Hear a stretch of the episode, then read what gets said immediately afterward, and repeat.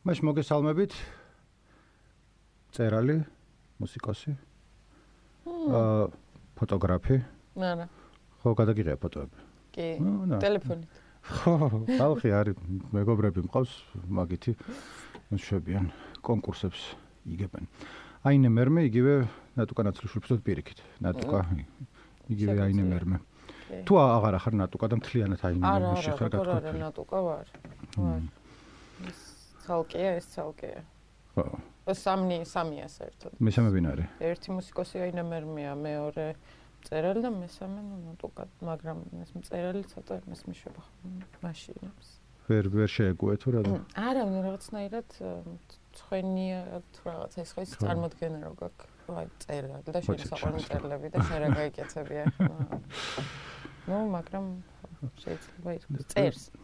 დადუკას ციგნი გამოვიდა რამდენი ხანია? რამდენიმე თვის წინ. აჰა ეუ არა ქვია. ინდიგომ გამოსცა. დაიტაცეს შეიძლება დიდი ტირაჟი არ ყოფილა მაგრამ რაც იყო იყიდა ხალხმა. ქონდა რამდენიმე გადასარევი რეცენზია. ერთი. სურა ჭიშკარიანმა დაწერა. კიდე ვინა რო არ ალექსანდრა არაშულმა წინა სიტყვაობა დაუწერა რომელიც ფაქტობრივად რეცენზია. აჰა ხომეტი ისეთი არაფერი, მაგრამ მე ძალიან მომწონდა აი კითხველის შეფასებები, რომელსაც პოსტავდნენ უბრალოდ, რაც უბრალოდ კითხველები. ხო. ძალიან ყველაზე ეს მათბობდა. კარგი იყო. ა რაზე აწიგნი როგორც ვიცი ესე არის. თავისებურიანი დაწერილი სწორი იქნება რო თქვა. რაც ცოტა მე ჩართულობას მოითხოვს ვიდრე თქვა რომ გადაშალო. ხო, იმიტომ რომ სინტაქსური რღვევებია რაღაცა. რაღაცები არის ხო ისეთია თუ სპეციფიკური საკითხავია მგონი. მე ვერ ხვდები, იმიტომ რომ მე იგრევ წერ. ხო. ბუნებრივად, მაგრამ ამბობენ რომ კონცენტრაცია ჭირდება. ალბათ ხო, მე მე არ წამიკითხავს, იმიტომ რომ კონცენტრაცია ჭირდება, უკვე უკვე ჩემთვის ის არის, ჩემი მაქსიმუმი არის ეს საწყალი კურდღელი და მე რომ ეს კურდღელი სათამაშოა. არჩილი და ხათუნაკი ბავშვები, რომლებიც მას თამაშობენ, ეგ არის ჩემი ტექსტთან ურთიერთობის ტოპი უკვე кай ხანია კითხულობ რამეს, ანუ ადრე ვა ყმაწულ კაცობაში ვიყავი ძალიან კაი მკითხველი, გამორჩეული რო აუ ხემნი ციგნი აქვს საკითხული რაღაც ბავშვობაში და მე წლებია გასული მხატვრული ლიტერატურა არ წამიკითხავს. ეს მიშვება. არა მე ვკითხულობ. სულ რა მაგარია მშურს? ჩავარდნები მაქვს ხოლმე, მაგრამ კითხულობ მაინც აქტიურად, იმიტომ რომ თვითონ ეს პროცესი მსიამოვნებს. ხომ თელ მუღამი ხო ეგ არის. მე არ მიყვარს როცა ის ბავშვებს რა მასშებია, რომ აუცილებელია რომ ციგნი კონდეს წაგითხული და რიკონია რომ რაღაცა ეს არის. სავარჯიშო სავითარი რომ უნდა ივარჯიშო და მთელი მუღამი ჩემთვის ის არის რომ სიამოვნებაა და რატომ უნდა მოიკლო და წაიკითხე ეგეც ერთ ხო ისეთი ფორმაა სადაც სხვაგან ვერ მიიღებ კინოსგან და რაღაცისგან ვერ მიიღებ მუსიკისგან მაგას მაგრამ. თუ არ ქსიამოვნებს და ძალით კითხულობ რომ რაღაც უკეთესი ადამიანი გახდე. და ანუ შეიძლება მაშინ. არა უშავს. ან მომენტ უშავს მაგრამ ზების კითხვა გიყვარს ხოლმე. აა იცი რა არ ვიცი ყველაფერს კითხულობ პრინციპში რა. ბოლო დროს მინდა რომ ბევრი ქართული ლიტერატურა ვიკითხო მაგრამ ცოტა ხო. ის ქართული ლიტერატურა ძველი რაც მე მიყვარს ცოტა და რამდენჯერ უნდა იკითხო ხო ერთი და იგივე ნაწარმოებებს რაცები ხო გამოდის? ანუ მე კი არ არ წამიკითხოს, მაგრამ ხედავ ხოლმე რომ რაცებს აქეთ. კი, კი, ხო და აი ამას რაღაცნაირად ვერ ავყევი რა, ირა გამოდის რა, არ გამოდის, შეიძლება ძალიან ცუდია, მაგრამ ვერ მიუყვები პროცესებს. არა, ვერც მე ან მე დიდი ხანია ხელი ჩავიქნია. და მე ვფიქრე რომ რავალდებული ვარ, ანუ ის ხო არა ვარ პროფესიონალი მკითხველი და ხო, ნუ ეგ თუ არ გაინტერესებს, რომ აი რა გამოდის ახალი. ნუ არიან ადამიანები, რომელსაც ეგ გაინტერესებს და მიყვებიან ორ კითხველები კი. და მე არ ვიცი, ახლა ვიყავი ტექნის ფესტივალზე რაღაცები წამოვხიკე, მომიტანე სახში და ეხლა რაღაცებს ნელ-ნელა ჩაუჭდები. ნუ აგრეუბნები შენ თავს და მე ეგ ცნობილი ხუმრობებია ხოლმე ტექნის ფესტივალზე და დაზვინული ხალხი რომ მოდის ხოლმე ბევრი ტექნიკა და თვითონაც რო არის, რაღაცები ვიყიდე ხო, ბეკეტები წამოვიღე, რაღაცები. დავაწყე ჩავამწკრივე და ეხლა ველოდები მე Kindle-ს მივეჩვიე ისე რომ აი ფიზიკურ წიგნს იშვიათად რომ რაღაცა ანუ დავიწყე იქით არ ვიცი მხატვრული ლიტერატურას არ გითხო მაგრამ რაღაცებს გითხულობ ხოლმე ნუ უფრო ისტორიაზე წიგნებს და ხო. ეგ ხო ის არის ორ ორად იყოფიან. კითხველები ვისაც შეუძლია Kindle-ით კითხვა ვისაც არ შეუძლია. მე არ შემიძლია გიცდია? კი. მაგრამ ეს რაცა ტაქტილური შეგრძნებები რაც აქვს გადაშლა, გადაფურცულა და ეს ხმა და ქაღალდის ფაქტურა მსიამოვნებს ხო? ან ბაზარი არ მისმის მაგისაც. მაგრამ ღამეა ძნელი რა თუ ცოტა სქელტანიან წიგს კითხულობ. ეს რო გიჭირავს და ვერ ვერი ხელთებ ვერანაირ პოზაში იტანჩე. ხო, ცოტა თუ ჩაგთვლი მაგრამ თავში დაგეცემოთ. ამ გულზე დადებულს რო გწინ. აჰა. ხო და არ არის მოსახერხებელი. მაგ შემთხვევაში წიგი. აა არა მე ჩანთაში ჩავკდებ ხოლმე და დამაკაკეთ იქით რო თუ რამეა. ტელეფონზე თამაშობ, აი სამახალმო ცლობ ხოლმე რომ ხანდახან დავძლიო რომ თუ ჩამოჯექი ყავის დასალევად, ტელეფონზე თამაშის ნაცვლად წიგნი ამოვი ხო და არა, ტელეფონზე არ თამაშობ. მე არ თამაშობ საერთოდ. არ მიყვარს თამაშები. ცხოვრებაში ჩართამაში. რო გითხრა რომ არა. სულიად გულწრფელი ვარ ყველა ურთიერთობაში. რას ვერ აპატიებდი მეგობარს? რატო იყვადრე გავრცელებული პონტი რა? ხალათს უნდა თქვა და მე რა ჯერდი რა რა კითხვა პასუხი იყო, იმიტომ რომ თავისთავად რო კითხულობდი, იგულისხმებოდა რომ პასუხად ეგ უნდა მიგეღო და რატო იყო რა რიტუალი. არა ხო ან საერთოდ შეკითხვა არის უაზრო, იმიტომ რომ რას ვერ აპატიებდი მე საიდან რატო უნდა იკითხო ეგ საერთოდ? რა ვიცი მე რას ვერ აპატიებდი მეგობარს. ალბათ, ხო. ახლა რო ფიქრობ პრინციპში რა მაგაზე ცუდი რა შეიძლება გიქნას მეგობრა. ნუ საპატიებელი სწორედ ის არის რა რა სეტყვი რა რაღაცა ბურგერი არ დამიტოვა თუ რაღაცა. მაგრამ არა უშავს მაგრამ ის ხო ხალატია ბურგერი რო არ დაგიტოვა და ა თუ ღალატია მაშინ მაშინ პრობლემა. ხო და ანუ ეგ ეგ არის შესაძლებელი სერიოზულად რატო არსებობდა ეგ კითხვა პასუხი ეგეთი რიტუალური რომ ბოლოს იყო ხოლმე თან რა ეს ყველაფერი კარგი და ეხლა მოდი რას ვერ აპატიადი ეგო ბოლო ბოლო კითხვა იყო ხო? მეგობრობის დღიური შეკითხვები რო არის ხოლმე ეგეთია და დაფიქრდები არასდროს მაგაზე პასუხი არ აქვს საყვარელი ფერი გაქვს არა. ვის აქვს საყვარელი ფერი? ანუ რაცებ შეიძლება გიხდებოდეს ადამიანს და რაცები არის რაც თვალს გჭრის ან არ ქსემოვნებს მაგრამ ფერი მართლა ის ხო არის 10 ფერი ხო არის ხო. საყვარელი მწვანე, ყველანაირი მწვანე, მე ზურმუხტის ფერიც და ბალახის ფერიც. ხო. საყვარელი სუნი. ტრის სისხლის სუნი. რაც ეს ნუ კონდეს ჩამოწერილი და მე. კი. აა მუსიკაზეც რო თქვა თორი სიტყვა, ვიდრე იყნებოდა მწერალი აინემერმე, ბოდიში რო შემესამე პირში. ვარაკები. აა გიტარაზე უკრავ მღერი, რამდენი წელია? კაი, ერთი. 6 მეტი 17 17 what 17 წელია უკრავ ხო დადიოდი თუ არა.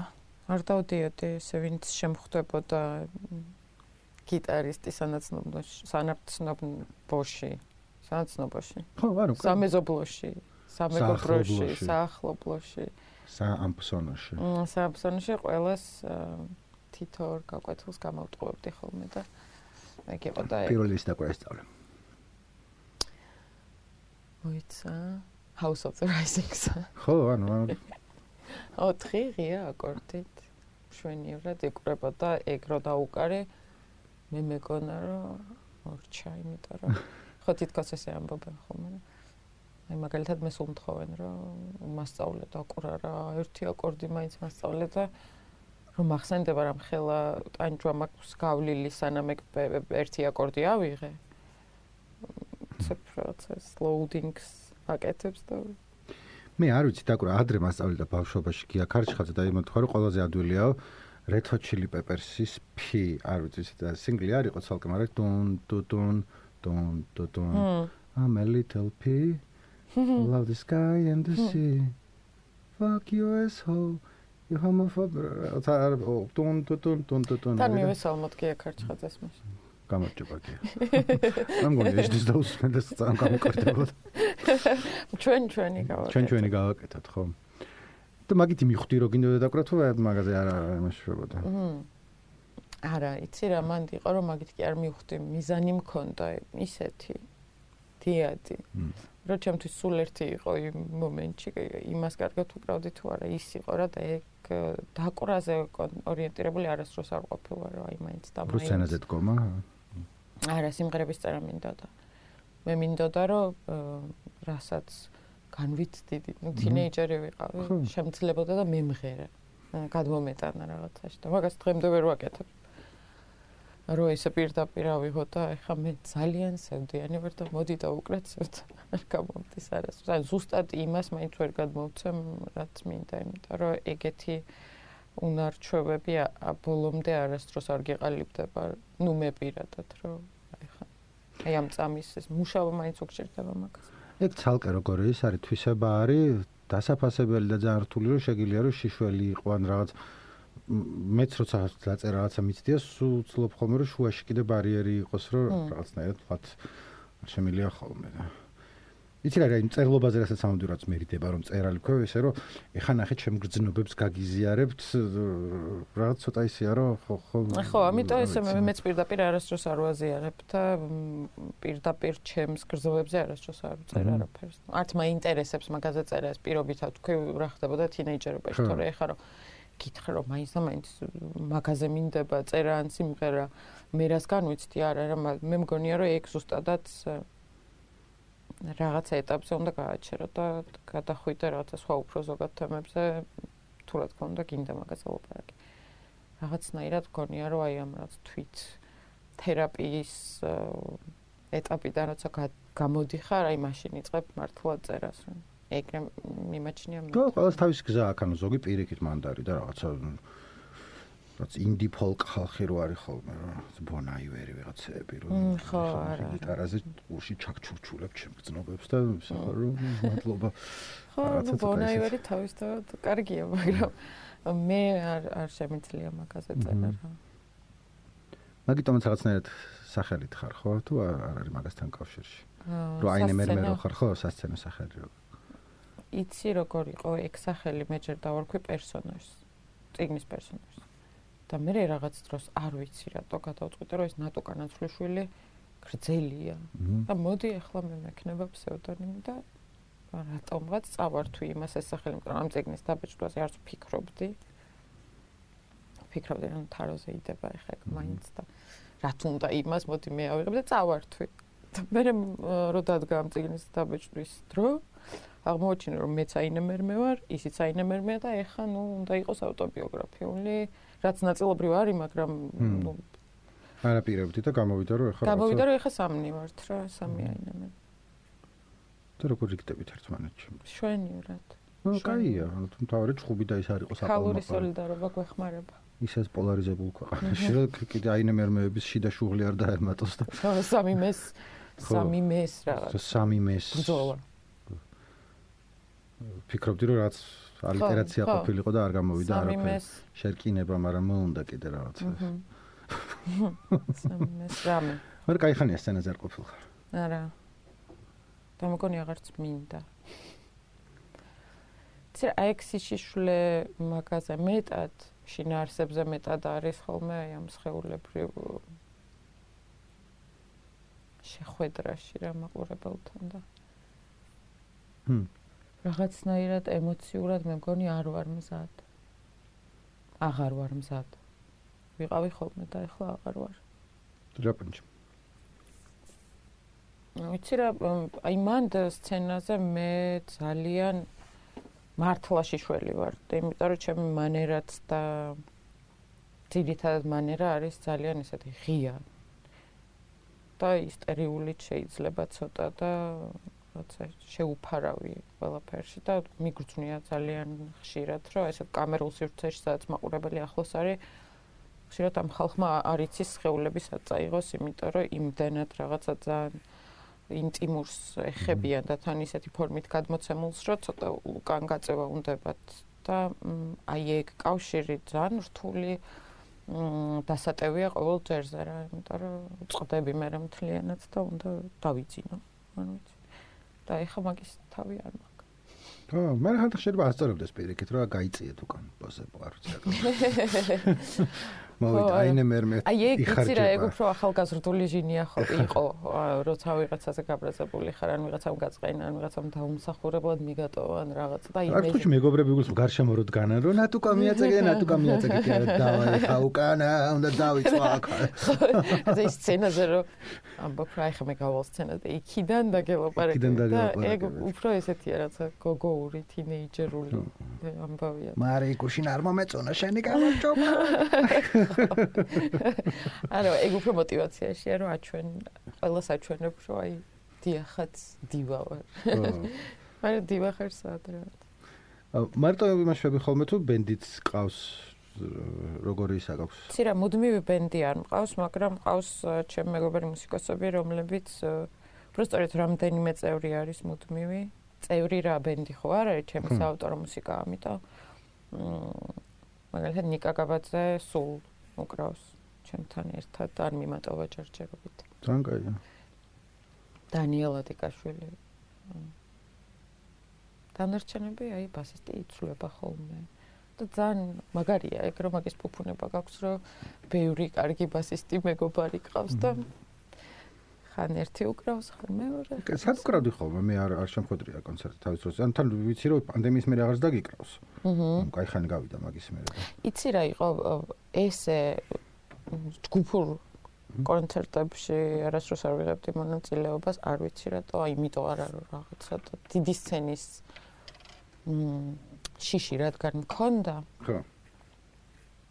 ამიტომ უფრო ვუკრავდი ხოლმე ესეთ პატარა სივრცეებში რა, პოლიტიკაში მახსენდება ჩემი პირველი ყველაზე საყვარელი კონცერტი იყო Blue Velvet-ში, რომელიც ახლა აღარ არსებობს. პოლიტიკაც აღარ არსებობს. აღარც პოლიტიკა აღარ არსებობს. აი ესეთ სივრცეებში უკრავდი ძირითადად. ძალიან რომელი იყო პოლიტიკაში დავდიოდი ხოლმე და Blue Velvet-ი იყო შროშის ქუჩაზე. რომელიც ყველა ვიცით სად არის. ცხეთის ქუჩი ქუჩასთან არის და იყო ძალიან კარგი სივრცე და ყავდა ძალიან კარგი ფლობელი ჩემი მეგობარი, რომელმაც იმიტომ დავმეგობრდით და ისე დავმეგობრდით, რომ შემომეხმიანა ჩემი პირველი ეგეთი ლაივი. ну, რაღაცა кайсარი ხო. აუ ძალიან კარგი იყო თავისი განათებებით და ხო. რამდენი ხანი აღარ არის? ფარდაგები. პანდემიის დროს ეგეთ? მე არა მანამდე დაიხურა. მე ჯერ გადავიდა სადღაც მე დაიხურა. და ეგეთ ადგილებში, ხო? რაღაცა სავდიანი ადგილები რო იყო და მე რო აღარ არის და სროიკეტები კოლკები ისა მაგ ხოლმე მე ხდიდი მორწმუნე და რაღაც ადამიანი არ არის სპირიტუალური მაგრამ ცებს ჯერა ხოლმე ერთი ადგილი დიდხანს რო არის მე ეს ენერგეტიკა გროვდება. კი არა ხომ მკითხო რომ ჯერა ენერგეტიკის არა მაგრამ თან რაღაც მგონია რომ ეხლა 15 წელი რო ადგილი არის და იქ თაობები ვიღაცა პატარა გოგობიჭი მიდიოდნენ ზასაობდნენ ხშვილები ყავთ რაღაცა მე სხვები მოვიდნენ წავიდნენ ხან მოწყენილობა იყო ხან ხიარულება იყო მე გროვდება იქ ყველაფერი რაღაც მხრივ რა. მე მახსენდება სალვე ეგეთი ადგილი რომელიც იმდენი ჩვენი წრემლი აქვს დატეული და ხიარულება ჩემი თაობის განსაკუთრებით და ყველასი იმდენი რამე გამოგვივლია ყოველას რა აი შენ ცავლის მრევლი იყავი ხო? ანუ რაღაც ერთი რამდენი ხანი იყო? 3 თუ 4 წელი იყო ისეთი აქტიური ხო მაგრამ რაღაც ისეთი პერიოდი იყო რომ სამსახურიდან გამოხვიდეთ სხვა ადგილები ესეთი არ იყო საწავიდეთ იქ წავიდეთ ყველა იქ ვიყავით რა. ხო იაფარახ სვამდა ხალხი მე შეიძლება იქ ჩაიდით მაგ დროს იყო ცოტა ხნის მერე. არსად არ მახსოვს.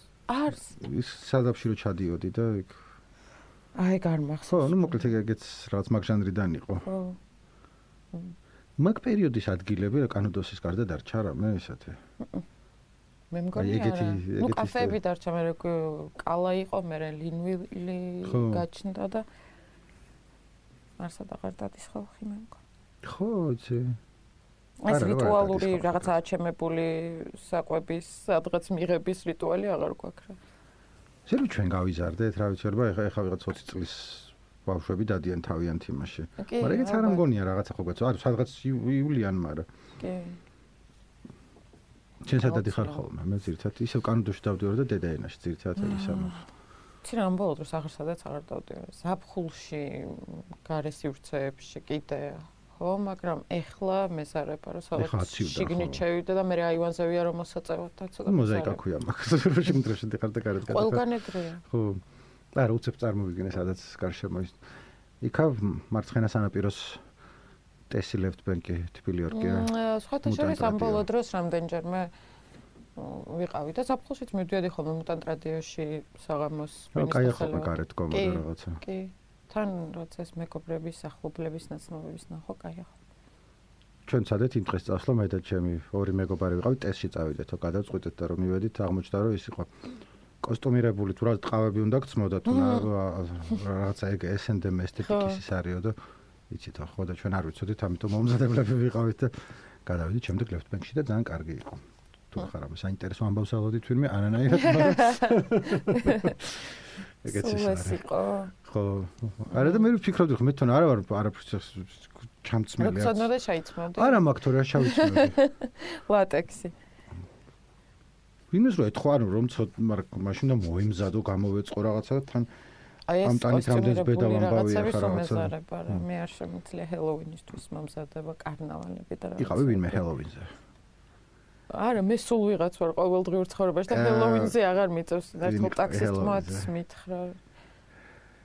არა მე თან ჩემი თავი უკვე ეგ არის ხო კოსტიუმი ასე ჰელოვინი აი მე მიდიხარ ხოლმე ხო იმიტომ რომ ერთხელ ტაქსისტ მომკითხა ჰელოვინზე მახსოვს და მაშინ ერთი პერიოდი რამდენიმე წელი სულ მეცვა გრძელი ქვედაბოლოები ძალიან გრძელი ასეთ ჩეხოვისეული ბოლოში არშიც და ტაქსი და ეს აწეულით მე მიმქონდა და ტაქსის მომკითხა ჰელოვინს არც მახსოვდა რომ ჰელოვინი ყო თქვენო ვისი კოსტუმი გაცვიათო და მეწყინა სხვათა შორის მაშინ მახსოვს რომ მეწყინა რომ როგორ ესე უცნაურად გამოვიყურები ეხლა რომ ჰელოვინზე მიმავალი ვეგონე მაგრამ ნუ რასიზავ ასე რომ ერთი რაღაცა შეგვიძლია ვისწავლოთ ამ სერიიდან ვინც გვისმენთ არის ის რომ არასდროს კითხვა ადამიანს ვინ არის ჰელოვინზე თუ 100% დარწმუნებული არ ახარ რომ ჰელოვინზე მიდის ჰელოვინზე მიდის და არა უბრალოდ თუ რომ საინტერესო ისტორიას ელოდებოდით არა არაფერი ანუ ეგ უკეთესი იყო ჩემთვის ამ რაღაცა ის მაინც კონდა ბოლო ტვისტი ბოლო ტვისტი კონდა და ხო გაირკვა რომ და ვინ იქნებოდი ჰელოვინზე რომ ყოფილიყავი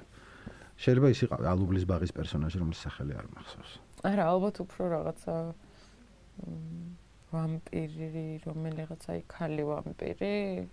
ну აღონთ ეს სისხლები არ მქონდა წითელი პომადა მქონდა და ეს იყო სიმბოლო. ქალი ვამპირი ვინ იცი? ახლა დავფიქრდი და ის არავინ. ინტერვიუ ვამპირთან არის პატარა ბავშვია. კი არის დიდი ქალი, მაგრამ ნუ პატარა ბავშვია. აი, არავინ, მაგრამ ეჭვი მაქვს, რომ ევა გრინს სადმე უნდა ეთამაშა ქალი. ევა გრინს სადმე უნდა ეთამაშა. ეთამაშა უეჭველი, თუ არ უთამაში, უნდა ეთამაშა რა. აა და იმაში ატრასვეტა დაზაკატაში, რომელსაც არც ინგლისურად ვიტყვი და არც ქართულად, იმიტომ რომ აქ ფილმს შემთვის ეგრე ქვია. როდრიგესის ფილმი როა, ხამერო იქ მოხდებიან. ეგენ რაც უცნაური ვამპირი, ანუ მე ამბობ, ვამპირი, ვამპირი. აი, so only lovers left alive. ხო. ტილდა სვინტონი. ტილდა სვინტონი ისეაც ვამპირი. ნე ხო და მაგაში ასაკო ევა გრინიც ისედაც ვამპირია და ტილდა სვინტონს ეგრო არ ეთამაშა მაინც ვამპირია და რა მნიშვნელობა. ხო. ტილდა სვინტონი შეხედავ და არ გამოხოხებული ვამპირია. გამოხოხებული ვამპირია. ღამე ოთახში ერთად რო დარჩეთ შეგეშინდება ცოტა თუ არ იცი რა ტილდა სვინტონია. მაგრამ აი ძველი ტილდა სვინტონი რო წარმოიდგინო არ შეგეშინდება პირი. თუ მოუნდება ძალიან შეგეშინდება. ანუ დარწმუნებული ვარ შეუძლია კეთილი და თბილი ადამიანი იყოს, მაგრამ თუ რაც არ მოეწონა ესე რა შეხედა. ხო, კი. ერთი შეხედვით. აჰა. ეგ და მერილ სტრიპი არის ხოლმე საშიში. ძირთად ეშმაკსაც უია პრადას ხათრით, მაგრამ თუ მეგონი მერილ სტრიპსაც უნდა ეთამაშა სადღაც ვამპირი. აი არა, ეხა უკვე ყველაზე მეგონი. მერილ სტრიპი არის იმაში ბრუს ვილისთან ერთად რო არიან და რა ქვია, გოლდი ჰაუნთან ერთად. წამალს რო დალევენ და მე რო უკვდავები არიან ვამპირები არ არიან მაგრამ ჩემი საყვარელი ფილმია.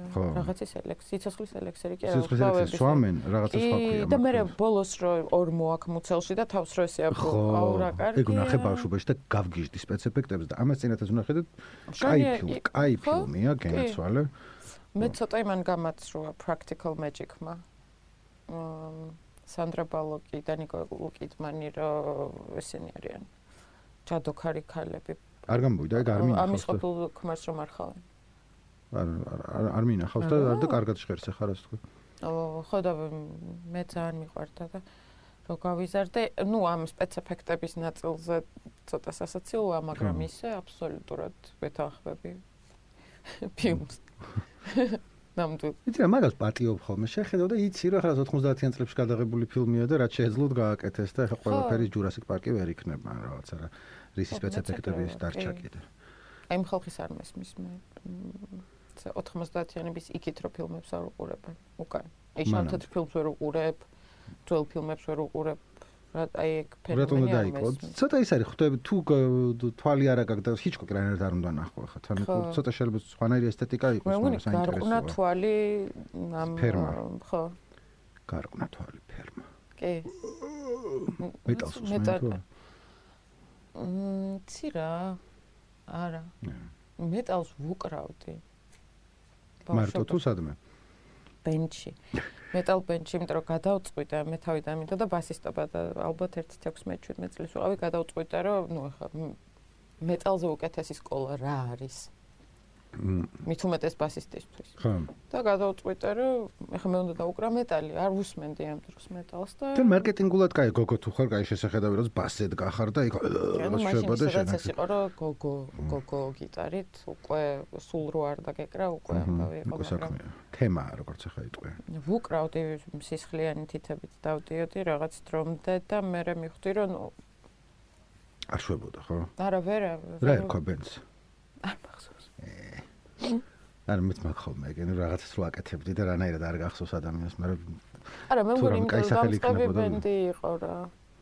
არა, არ მახსოვს. აიმიტომ არ ქონდა ჯერ სახელი. მე მგონი.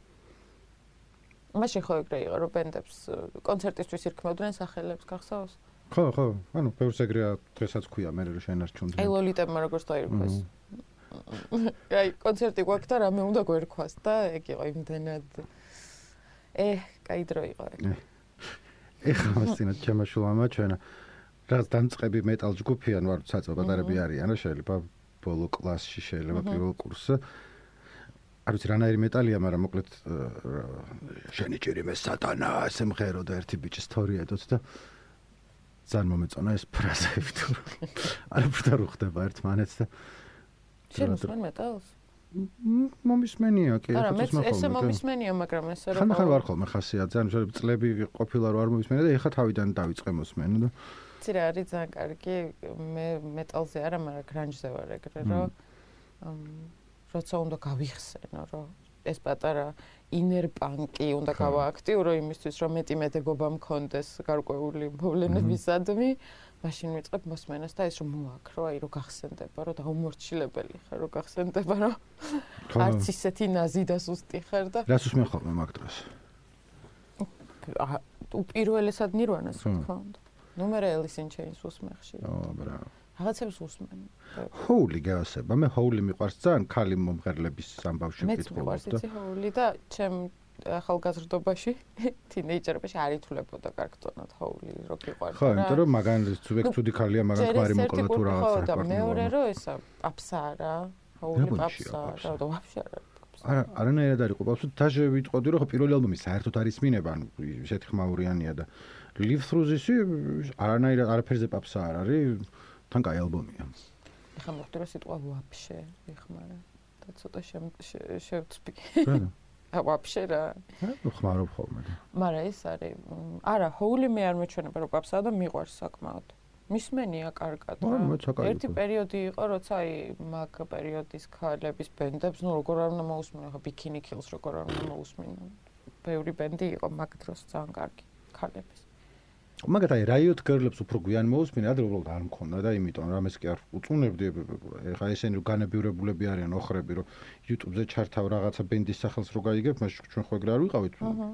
შეიძლება თუ გაგიყვანე უფროსებში არ ვიცი, მაგრამ არა, მეც არ ვიყავი ეგრე. ხო, ან თუ რაღაც კასეტას იშოვიდი, ქონდა ის კასეტა და თუ არა და რას მოუსმინე. მე CD-ებზე ვიყავი უკვე. ხო, მაგრამ ნუ ბიკინი კილს შეიძლება ვიღაცა მოგცეს და თუ არ მოგცა ვიღაცამ არა გაქვს, ანუ ვერ მოусმენ არ არსებობს.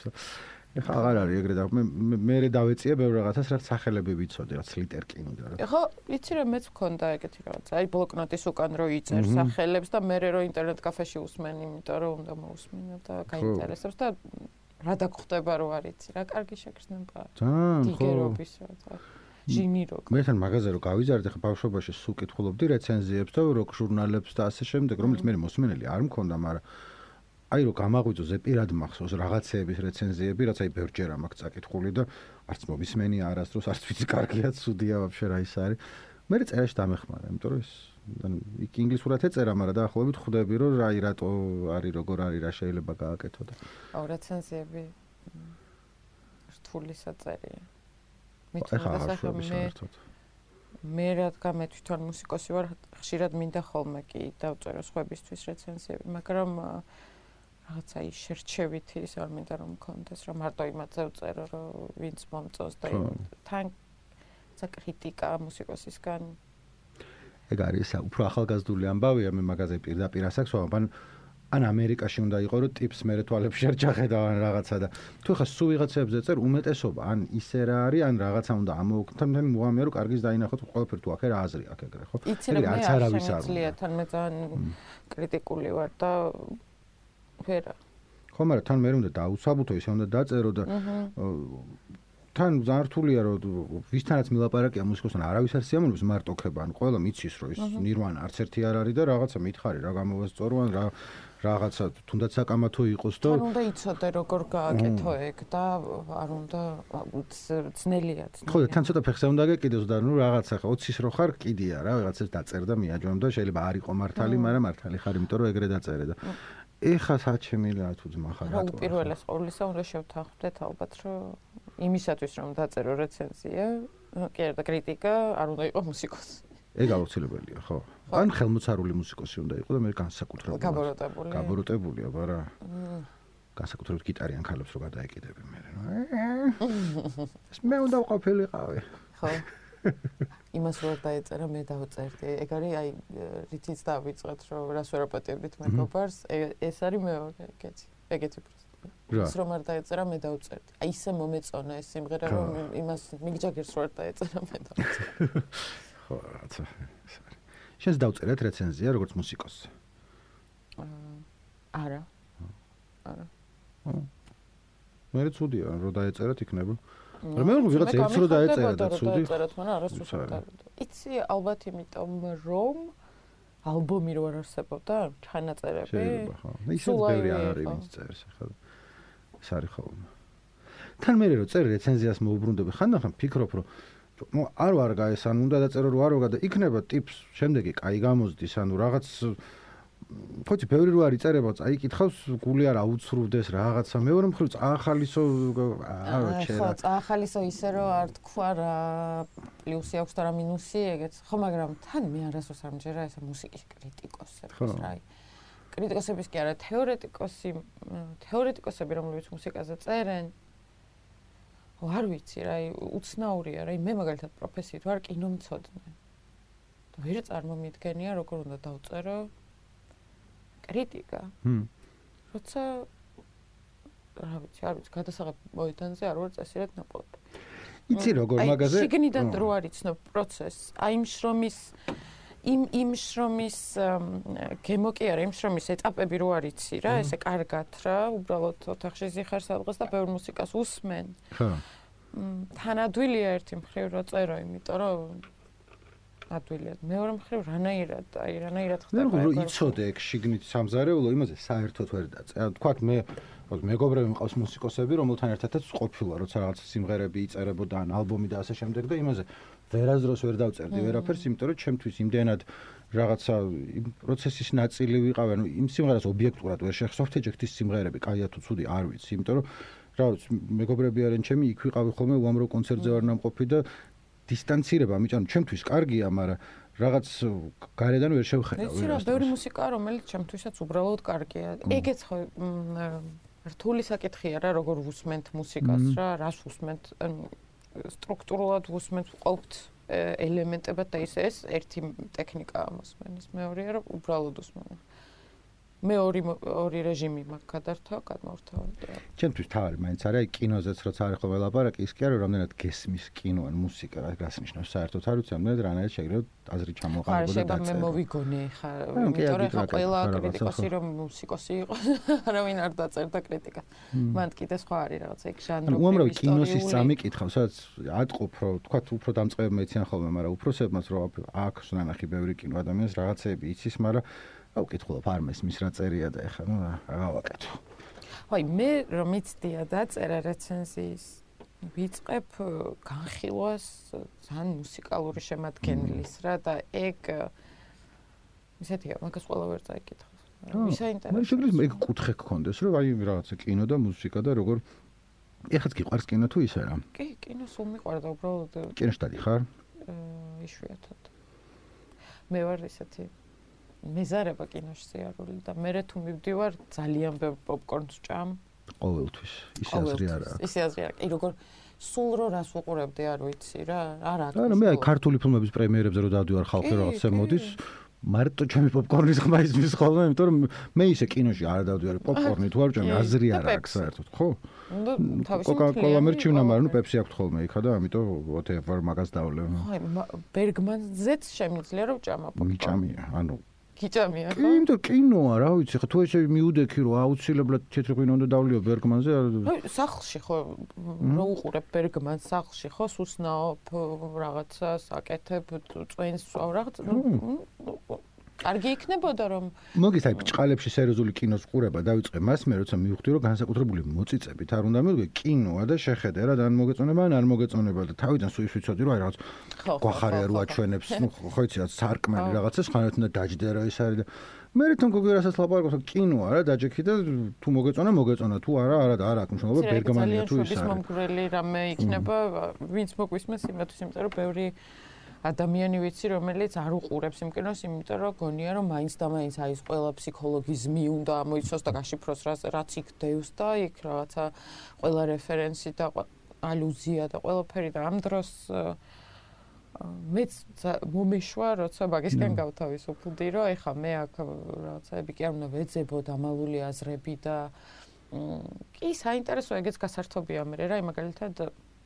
Shining-ზე ერთი დოკუმენტური ფილმი, ეს რაღაცა შაინინგოლოგების ხედან და განიხილავენ ყველა ყველა დეტალს რა რატომ შეიძლება რომ ამ ეს ოთახი იყოს ეს ნომერი და არა სხვა ნომერი და თან ხუკუბრიკი ეგეთი ტიპი იყო რომ რაღაცა მათემატიკურად თვლიდა ამებს და თვითონაც ერთობოდა მაგითი რა და აი ეგეთი რაღაცების ყურება კაია მე მაგაზეც ხალისობ მაგრამ მაგაზაც თუ ძალიან ჩაურმავდი შეიძლება რომ ძალიან შორს რა ფილმის იგივე ბერგმანი დავამოღავე კინოში იყო პერსონა გადიოდა და მეთქი ეს ბერგმანზე წავდა მე დავჯექი და გასართობი ფილმი ანუ იმასაც ხედავ მე აზრი რა დევს რაღაც არის ისთვის არის მაგრამ უბრალოდ კაი საყურებელი ფილმიც არის რა ყველაფერთან რაღაცებს არ გთხოვს რომ რაღაცა ის აქნა დაიგრუზებ საინტერესოა ბოლომდე და აბა რა მოხდება ეხლა.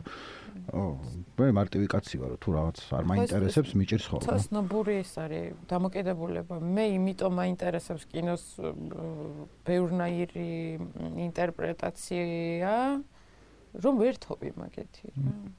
მაგის განხილვა მართობს ანუ მე მე ვწკაიფობ რომ ნახე ეს პერსონაჟი რაღაცა იმის უკან ნახე რა მაგარი ის იყო მაგიტო უყურებ საბოლოო ჯამში მაგრამ ვიდრე უყურებ იმაზე იყავი Killers of the Flower Moon-ზე სკორსეზეს მეც არ ვიყავ იმიტომ რომ 3 საათი და 30 წუთია თუ რაც და მაგის ბევრი პოპკორნი დაგჭირდებოდა ანუ არა არაფერი არ უნდა იყოს მაგ სიგრძემე თუ მკითხავ ხო, აი ეს მე და ჩემი რამდენიმე მეგობარი წლებია სატანტანგოს ყურებას ვაპირებთ.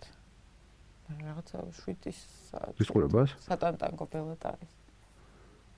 არა, ბელატარი გამიგია, მაგრამ ესე რო კითხავ. ხო და დიდია რა, არ ვიცი, ახლა ზუსტად არ უნდა მოვიტყო, მაგრამ მეგონი რაღაცა 6-7 საათია და და ალბათ პიჟამოებით 1-2 დღე ეჭდე რა.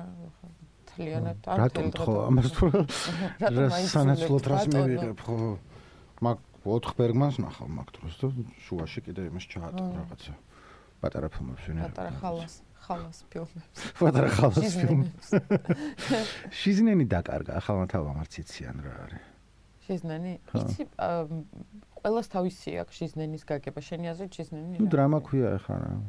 არა, არა, შიზნენი აზრი როგორ აი რა რა აი რომელი მონოკოთი ნუ ვინც არის რაზე ლაპარაკი საბჭოთა კავშირის ბოლოს როცა ჯერ კიდევ სულ ენაზე ლაპარაკობდით ხოლმე ფილმების კატეგორია იყო კომედია ბოევიკი ჟიზნენი ან ჟიზნენი კომედია. მელოდრამა, მელოდრამა. მელოდრამა, და ჟიზნენი კომედიაც იყო. თქვათ ბორტს მიღმა ზაბარტომ არის ჟიზნენი კომედია. ჟიზნენი კომედია. იმიტომ რომ ყოფითი დრამაც არის.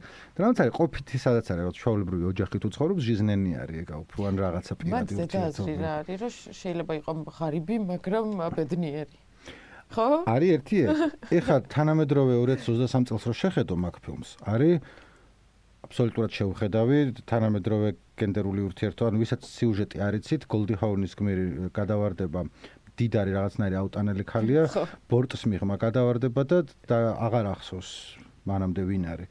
და ერთი კარგი მუშა ამერიკელის ოჯახში აღმოჩნდება, რომელიც ამას უმალავს სინამდვილეში ვინ არის და მე ქორწინდებიან თუ რაღაცა. კი, და ის ხდება, იმიტომ რომ აღარ ახსოვს რომ დიდარია და შანელი უნდა ეცოს, იცვამს ამ კუბოკრულ პერანგს იმ კაცის, უზდის შვილებს, ხეხავს, რეცხავს, არის მორჩილი ცოლი.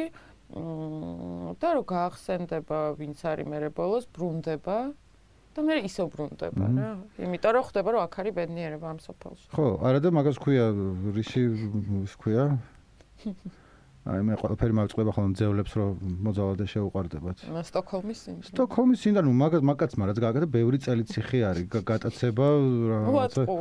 ატყუებს სულ არეუბნება ვინ არის, იმიტომ რომ არაუშავს ეგ მდიდარი ჩათლაშკა თუ რა ზეთ უთხარი ვინ არის. აი, იცი რა მეგონი მან რაღაცა კიდე ერთი ისტორია აღარ მახსოვს რომ მეგონი მანამდე ამ კაცს სულად მოიქცა, იმიტომ რომ ეს ამას ამუშავდა და სამაგიეროს უხდის. რაღაცა ეგეთი მაგ. ხო, ყველაფერი თანაზომადი ხო არის? ექსპლუატაცია. ამას წინათ უყურებდი, გაქცეული პატარძალი ნანახი გაქვს? კი.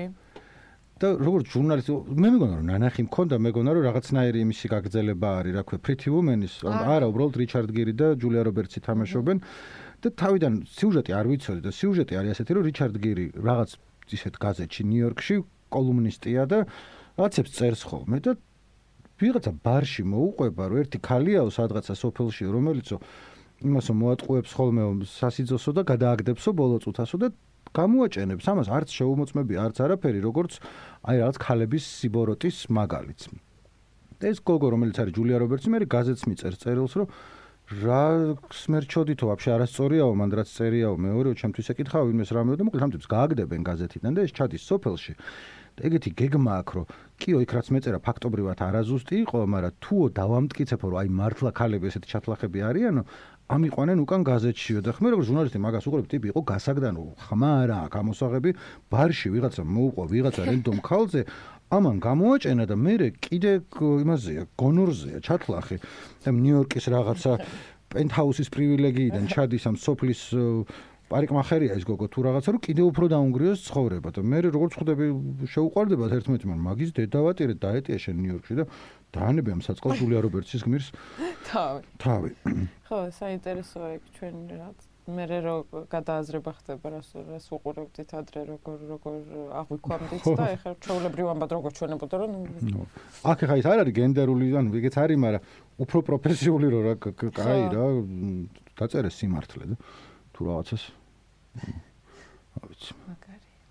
ბოლოს რა ნახე ფილმი რაც მოგეწონა. გინდა ქართული გინდა უცხოური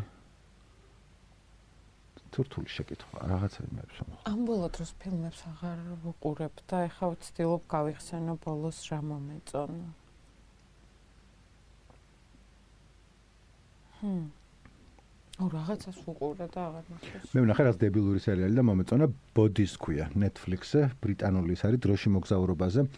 როგორც ამბობენ უფრო ბანძი dark არის. Dark გერმანული სერიალი სადაც დროში მოგზაურობა და ძალიან ჩახლართული და ესეც ეგეთია ონ ნაკლებად ჩახლართული მაგრამ ერთხელ დიდხანს ჭედავდი ამ დარკთან დაკავშირებით, დარკი არ მომეწონა, იმიტომ რომ ამბავი საინტერესო იყო, მაგრამ არ იყო საინტერესო, იმიტომ რომ პერსონაჟები იყვნენ უბრალოდ X-ი და Y-ი და ნუ ტიპები კი არ იყვნენ, უფრო რაღაც ამოცანა იყო ვიდრე და აქ რაღაც ტიპები არიან სხვა სხვა დროს პოლიციელი რაც 19 საუკუნეში მე-20-ში მომავალში და ტვინის დაძაბვა და რაღაცა არ გჭირდება 6 სერიაა თან მოკლედ მაყოფილი დავრჩი.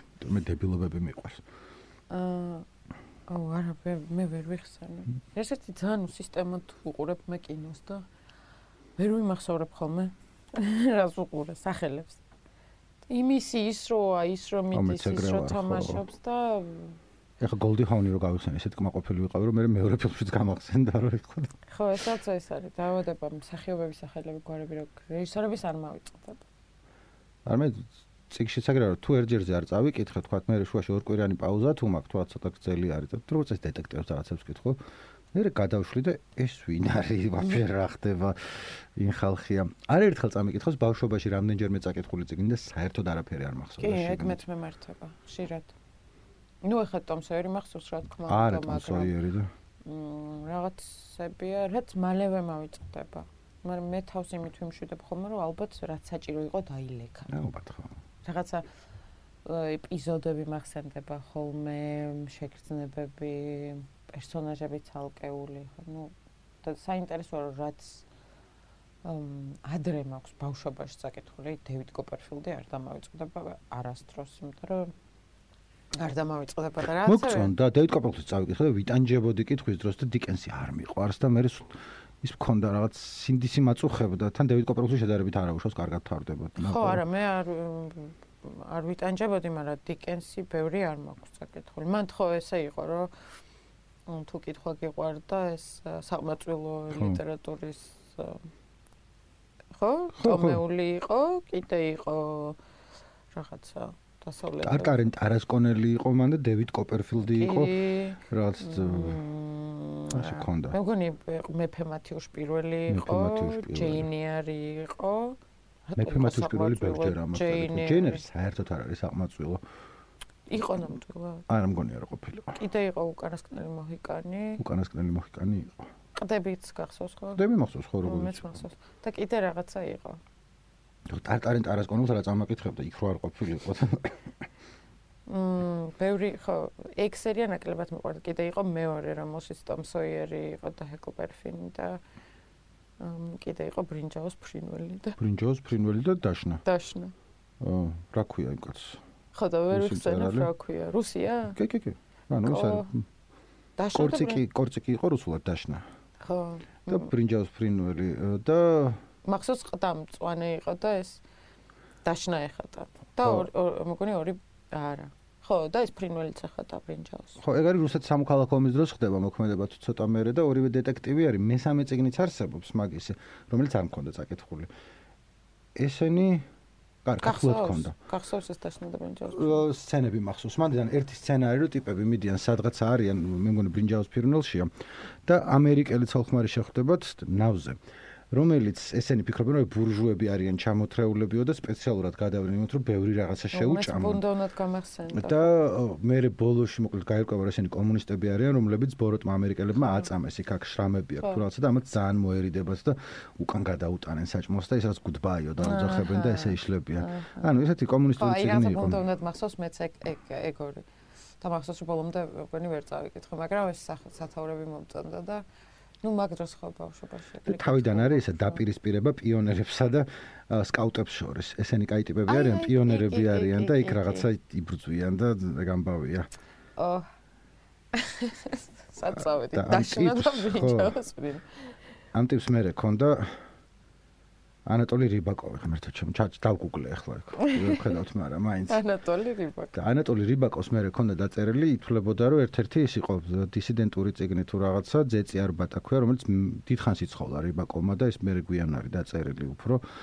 რომ აქ რა ხდება არ ვიცი არა მაქვს წაკითხული მაგრამ ეს უკვე ის არის რაღაცა საბჭოთა კავშირის ბოლოსკენ რომ ერთ-ერთი აკრძალული ციგნი თუ რაღაცა ეგეთი უზრი ხო. ასე რომ ეგეთი ამბავია. მე არ მახსოვდა რომ ეს სახელი დაგვარ მაგრამ წიგნი კარგად მახსოვს ვიზუალურად როგორ გავა. ეგენ ძალიან მიყვარდა რაღაც საბჭოთა საბავშვო ლიტერატურა, მე კარგად მაქვს წაკითხული, კარგები რაც იყო ხოლმე. მე ესე ვერ ვიხსენებ რა. ტრიტოლს და კარგ აქვს წაკითხული სამი მსუქანა, იური ოლეშასი. არა.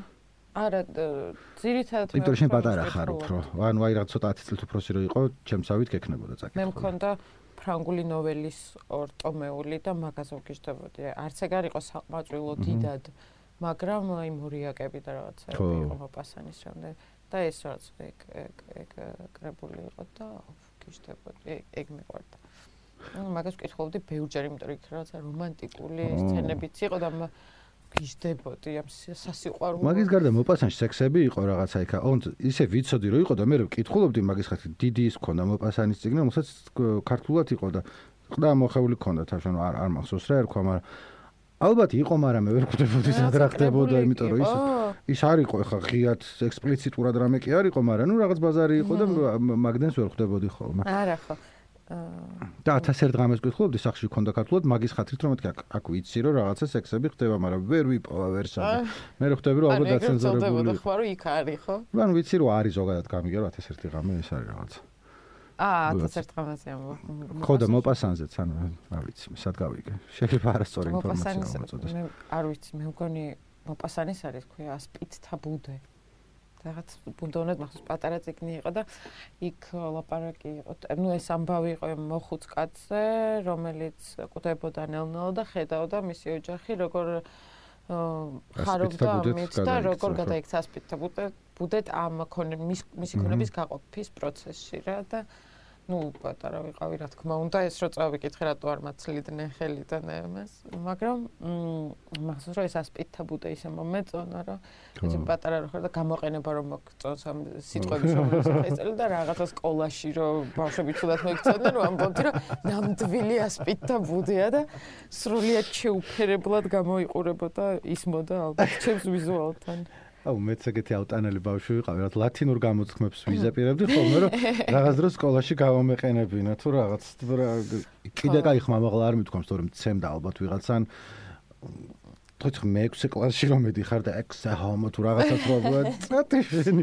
ლექსების წერაც ხوار დაგიწყე, იმიტომ რომ მე მაგ პერიოდში ლექსების წერა დავიწყე. და ჩემი კალიგრაფია გამოვიგონე რა თქმა უნდა ესეთი წაგრძელებული იყო რომ მარტო მე მეწერა ის ღმერთო რა ამბიციური ბავშვი ვიყავი და ანუ იქ იქ ვაკვეხებდი ყველა სიტყვას რა მაგრამ უცნაური ის იყო რომ მართლა ძალიან პატარა ვიყავი და ეს რო არ მქონდეს მკეცებულება არ დავიჭერებდი რომ იმდენად მინდოდა აი ამ რაღაცა უმძიმეს რაღაცებზე წერა რომ ხო დავფიქრდი რომ ხა ფრაზა დავწერე სამშობლოზე ხო არ დავწერა რა ლექს რა პონტე იქნება მე ხო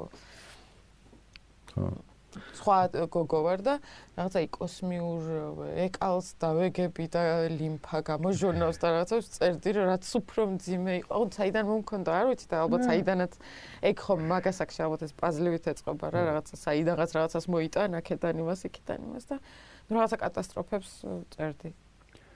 მე ერთი ლექსი მაგდაწერდი 9 აპრილზე. 9 ანუ 99 წელს დავწერე ალბათ რამდენის ვიყავი 10-11-ის. და მე ჩემთვის დავწერე სადაც მე იპოვე სახში წაიკითხეს თუ რაღაცა შემიქეს თუ რაღაცა იმდენად შემრცხვა თუ რაღაცა რომ მე ის დავხიე და აღარ დამიწერია. უი? ხო. მე ეგეთი რაღაც პირველად გავიგე რომ ქებამ გაწყინა ეგრე. რაღაცა ისე ვიყავი რომ მეთქე რა აპრილზე რატო დავწერე ლექსი რა ვიცი. ძალიან გულითაც არ დამიწერე, განვიცადე, მაგრამ რაღაცა უფრო ლექსის დაწერა მინდოდა ვიდრე გზნობების გადმონხევა. მეც მახსოვს ეგ შექნება რომ რაღაც რო აბუქებ და ამძაფრებ შენში. ამ ემოციას. და ერთი მქონდა მოთხრობის ნახევარი, ანუ მე აღარ გრძელდებოდა, მაგრამ მაგავე დროს მქონდა დაწერილი ვიღაცა გლეხი ხდება გორბაჩოვს და რა დიალოგი იყო? გორბაჩოვი ეკითხება რომ რა ქვია შენ და ერმილე ბატონო ეს პასუხობს და საშ ყველა მაგრა ხალისობდა მაგაზე იმიტომ რომ ეჭი მაგრამ ანუ გადავით არ დავწერე მაგრამ თან დავწერე ანუ ის რო სასაცილო იყო არ არ იყო რომ სერიოზულად დავწერე და ვიღაცამ გაიცინა და გამიწყდა. არა ერმილე ბატონო.